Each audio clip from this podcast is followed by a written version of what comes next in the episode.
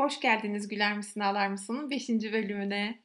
Sizlere çok güzel, ılık bir Ankara akşamüstüsünden sesleniyorum. Evimdeyim ve evimin manzarası da harika. Yemyeşil bir tepeye bakıyor. Ben de pencerenin kenarına koltuğumu çektim. Ayaklarımı da şöyle güzelce oturdum. Etrafı izlerken de biraz düşündüm ve ne kadar şanslı olduğumu düşündüm. Çünkü kendi kendime ayıracak geniş bir vaktim var. Zaten bu sabah da benzer hislerle uyanmıştım. Kendime çok güzel bir kahvaltı hazırladım.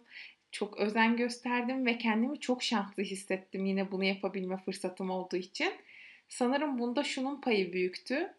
Görmüş olduğum rüyanın akşam. Ben bu rüyayı iki oldu görüyorum ve iki kere aynı rüyayı görmek bence tesadüf değil. Bence bu bölümü yapmanın vakti geldi de geçiyor göstergesiydi. Ben de bu motiveyle oturdum bilgisayarımın başına. Şimdi rüyamda ben garsonluk yaptığımı görüyorum.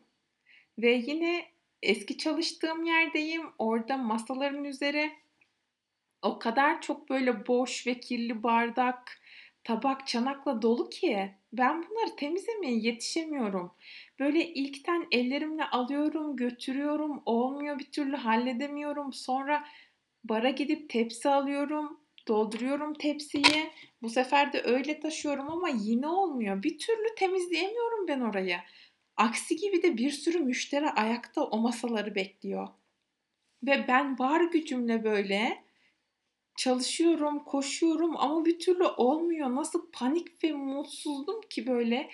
O şekilde uyandım zaten. O panik ve mutsuzlukla uyandım ama o duygular bana hiç yabancı değildi. Çünkü çalışırken sık sık hissettiğim duygulardı. Çünkü sık sık panik ve aceleyle çalışmak zorunda kalırdım. Bu da beni çok yorardı. Bu rüyadan uyandığım zaman oh be dedim kendime. İyi ki bugün çalışmıyorum ve bundan sonra da çalışmayacağım. Çok şanslı olduğumu hissettim. Şükürler olsun ki. Ve şunu da bir kez daha idrak ettim ki o çalıştığım dönem içten içe ruhumu kemirmiş gerçekten de. Yani yavaş yavaş ruhunuzun zehirlendiğini ve yaşama sevincinizin çekildiğini düşünün vücudunuzdan. Tıpkı böyle kanınızın çekilmesi gibi. Nasıl geliyor kulağa? Bence hiç hoş değil. Bugünlerde sadece okulumla meşgulüm ve bence bu inanılmaz bir lüks bir öğrenci olarak. Öyle bir lüks ki benim için hiçbir şey bununla ikame edilemez. Anladığınız üzere ben yakın bir geçmişte garson olarak çalıştım. Ve bu benim ilk çalışma deneyimimdi bu arada. Daha önce hiç çalışmamıştım. Çalıştığım yer çok yoğun bir işletme işletmeydi. Sürekli müşteriler sıra bekliyordu ve sürekli böyle aceleyle çalışmam gerekiyordu. Sadece benim değil, bütün çalışma arkadaşlarımın aslında. Ama aldığımız ücret günde 300 TL'ydi. Verdiğimiz saat ise 10 saatti. Şimdi üzerine yolda geçen saati koyabilir misiniz? Ankara'dan bahsediyorum. Metro ve otobüs kullanacaksınız. Ama yine de en böyle azından bir hesapla günde 11 saat veriyorsunuz diyeceğim 300 TL için. Şimdi bir gün 24 saat ve siz 11 saatini veriyorsunuz. Geriye ne kalıyor? Ben size şimdi söyleyeyim ne kalıyor. Yorgun argın eve gelmek, böyle yarın için hazırlanmak, belki hızlıca bir duş almak ve koltukta sızıp kalmak kalıyor. Sanki insan böyle sadece çalışmak, yemek içmek ve uyumak için dünya üzerindeymişçesine bir sistemden bahsediyorum. Korkunç bence bir insana bu şekilde yaklaşılması. İnsan bu kadar basit bir varlık değil ki. İhtiyaçları karşılanmadıkça soluyor işte günden güne. Bunu tecrübe etmiş biri olarak söylüyorum. Öyle bir zamansızlıktı ki yani kendinizin sevdiği şeyleri yapacak zamanınız asla olmuyor. O, o şekilde nasıl motive olacaksınız ki hayata karşı? Günde kazandığınız 300 TL ile mi motive olacağınızı düşünüyorsunuz? Az önce marketten sipariş verdim internet üzerinden ve şöyle bir kırmızı et fiyatlarına baktım. 1 kilogram kıymanın fiyatı tam 356 Türk lirası. Benim günde 10 saat Deliler gibi emek vererek kazandığım ücretse 300 Türk lirası. Deliler gibi çalıştığım bir günün sonundaki para bana 1 kilogram kıymayı bile almıyor. Nasıl motive olabilirdim ki? Ya da diğer çalışanlar nasıl motive olabilir? Eğer bir cevabınız varsa lütfen bana iletin olur mu? Bu günden güne solma durumu. Olmuştu bana dediğim gibi. O süreçte terapi alıyordum. Haftada bir kez terapistime kılçıksız bir saat vermem gerekiyordu. Bunu bile bulmak zordu biliyor musunuz? O bir saati bulmam çok zordu. Çalışmadığım günlerde okulum çok yoğundu. Ödev yapmam gerekiyordu deliler gibi. Çünkü Hacettepe cidden zorlayan bir okul. Bir yandan bunlarla uğraşıyorum. Bir yandan para kazanma derdindeyim. Bir yandan da sosyal bağlarımı güçlü tutmam gerekiyor. Arkadaşlarıma vakit ayırmaya çalışıyorum. O haftalarda atom karınca gibi oradan oraya oradan oraya böyle dolaşıyordum işte. Bir gün ne oldu biliyor musunuz çalışırken? İzinli olduğum bir gün hava çok güzeldi, ışıl ışıl. Dedim keşke şu anda çıkıp yürüyüş yapsam. Ve zamanım var, evdeyim. Neden çıkamadım bu kez de? İsteğim yoktu. O kadar yorulmuştum ki artık. Şöyle güneşli bir havada kendime ayıracak bir vakit yaratmak için bir yaşama sevinci duyamadım içimde. O anda ülkedeki antidepresan kullanım oranının neden bu kadar yüksek olduğunu bir kez daha idrak ettim. Çünkü insanların kendilerini mutlu etmek için şöyle güneşli bir havada D vitamini yaparak yaparak yürümeye zamanları bile yok.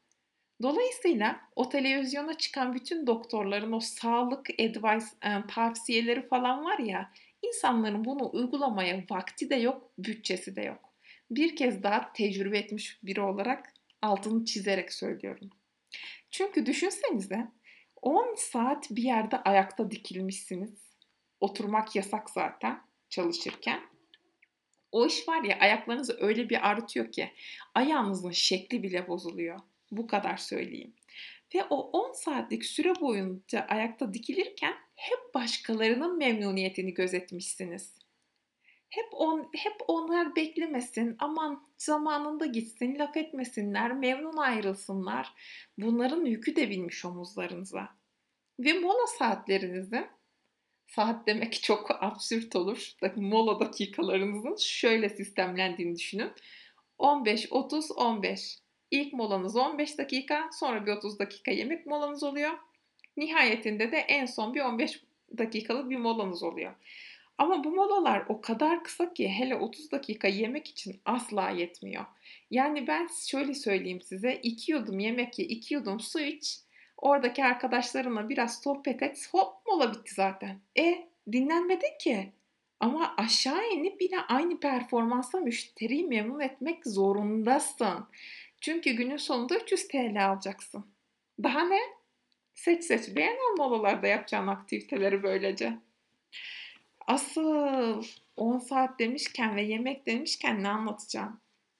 10 saat için size reva görülen yemek sadece bir öğün. E, o yemekte de et falan varsa zaten size kalmadan yemek bitebiliyor. Hatta bir keresinde köfteli bir yemek gelmişti ve ben böyle yemekten alırken yemekteki köftelerin boyutu böyle misket misketti. Dolayısıyla şöyle bir kepçe doldurdum. Koydum tabildota. Tabakla da vermiyorlar işte okul yemekhanesini sürdürüyorlar. O ruh işlenmiş gitmiyor bir türlü üzerimizden. Neyse. Fazla almışım. Biri gördü. Uyardı beni. Dedi ki kuzum fazla almışsın ama sadece 3 köfte alma hakkımız var. 3 köfte alma hakkımız var dediğin köftenin boyutu misket kadardı. Ben o anda bir şoka girdim. Çalışmamışım tabii hiç bilmiyorum da. Hani kabul görmeye çalışıyorum çalıştığım yerde aralarına girmeye çalışıyorum. Çok ses edemedim. Ama şok oldum. Sakladım biraz duygularımı. Şimdi sormak istediğim soru şu. Tüm işverenlere. Evinizde 10 saat vakit geçirirken sadece bir öğün yemekle mi duruyorsunuz? 10 saat için bir öğün yemek size yetiyor mu? Enerjinizi karşılıyor mu? 10 saat için bir öğün yemek siz evde full otururken bile enerjinizi karşılamaz muhtemelen. Zaten bana da en çok koyan şey bu oldu. Tamahkar olan, ezilen ve ses etmeyen taraftan kıstıkça kısmak. Biliyorum tüm sistem böyle. Çünkü 10 saatinizi 300 TL'ye takas ediyorsanız eğer ya müşkülsünüzdür, e muhtemelen belki de mecbursunuzdur. E karşı taraf bunun farkında tabii. O yüzden siz sindiril, sindirildikçe sindirilen taraf oluyorsunuz. Çünkü bu mecburiyetin farkındalar. Ve sözde güçlü olan o taraf kendi markasının çıkarını gözetip müşterisini de memnun etmeye full odaklıyken e, size de günde bir kap yemek verdiğini düşünürsek sizden de bu harika performans bekliyor haklı olarak. Soruyorum şimdi. Hangi motiveyle? Çünkü performansı eğer yanan bir ateş gibi düşünürsek sönmemesi ve ondan o ateşten de faydalanabilmemiz için sizce ne yapmamız gerekiyor? Size söyleyeyim. O ateşi beslememiz gerekiyor. O ateşi söndürmememiz gerekiyor besleyerek. Çünkü beslenmeyen ateş korlanıp yavaş yavaş geçiyor ve o sönen ateşi de tekrar tutuşturmamız pek de kolay olmuyor değil mi? Daha çok çaba harcamamız gerekiyor beslemekten ziyade. Dolayısıyla iş başa sarıyor. Bir de şu var tabi. İş tanımınızın dışında kalan iş ricaları. Nedir bu? Servis elemanının iş tanımı nedir?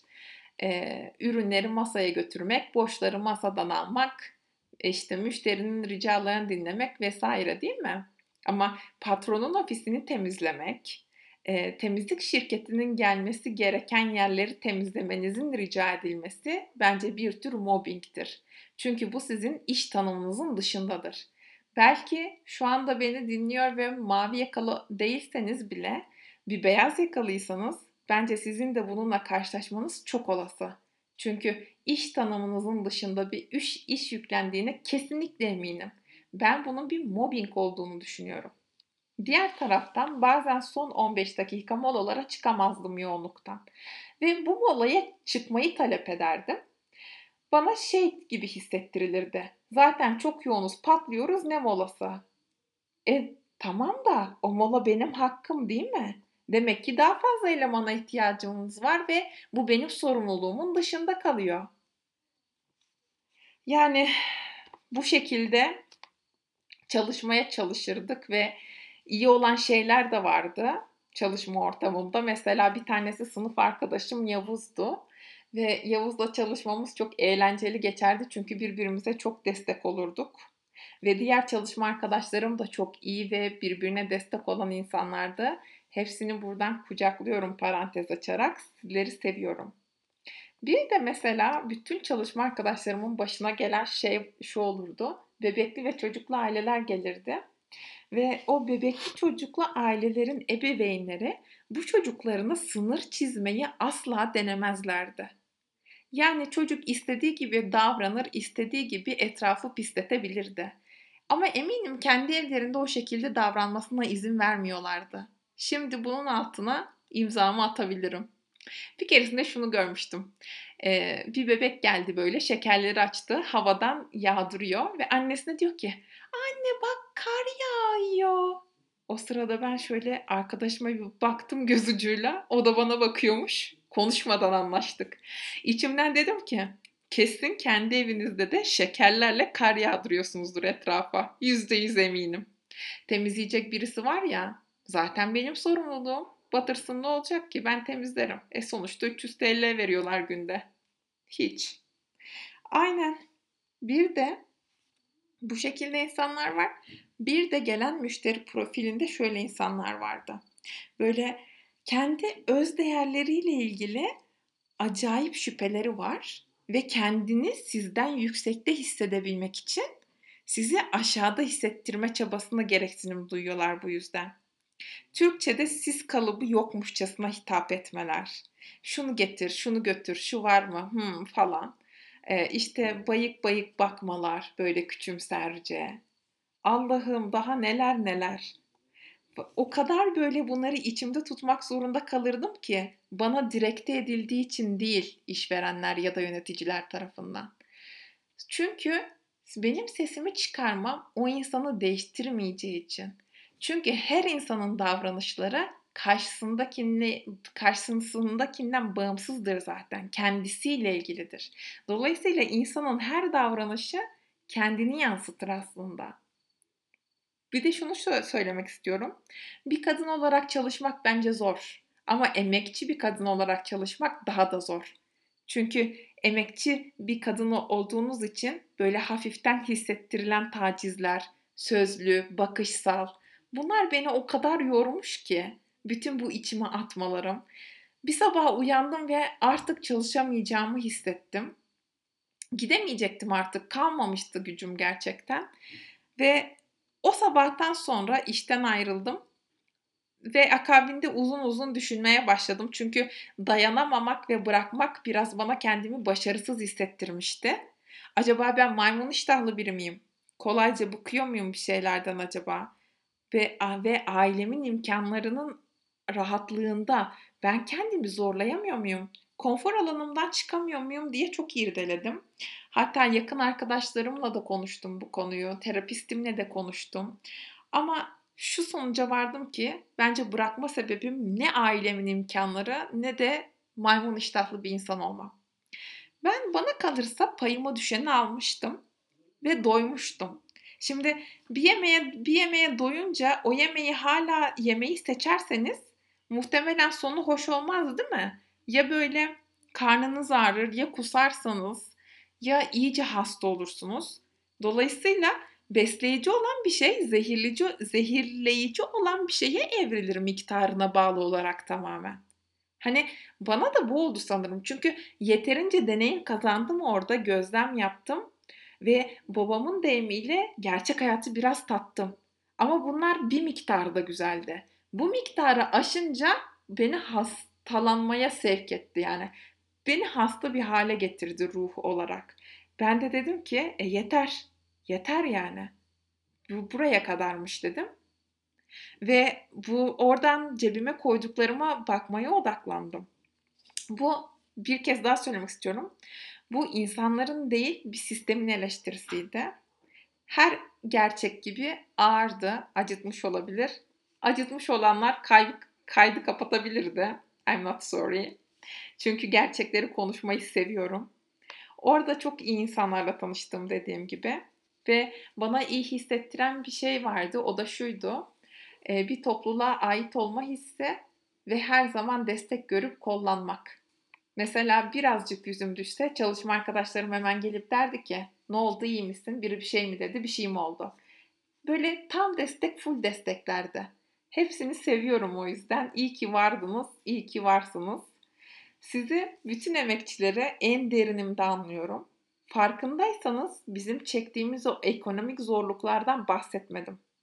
Çünkü bunları biliyorsunuz bence. En az benim kadar belki benden daha iyi biliyorsunuz. Ama şununla kapatacağım ben yine de. Asgari ücret ask asgari bir yaşam getirmiyor. Asgari ücretle asgari bir yaşam alamazsınız artık. Umarım inatla bizden yüzünü çevirenler, bu gerçekten yüzünü çevirenler bizi görmeye karar verir bir gün. Bize bakmaya başlarlar. Bizi görmeye başlarlar. Ama eğer olmazsa belki de bizler sokarız bunu gözlerine.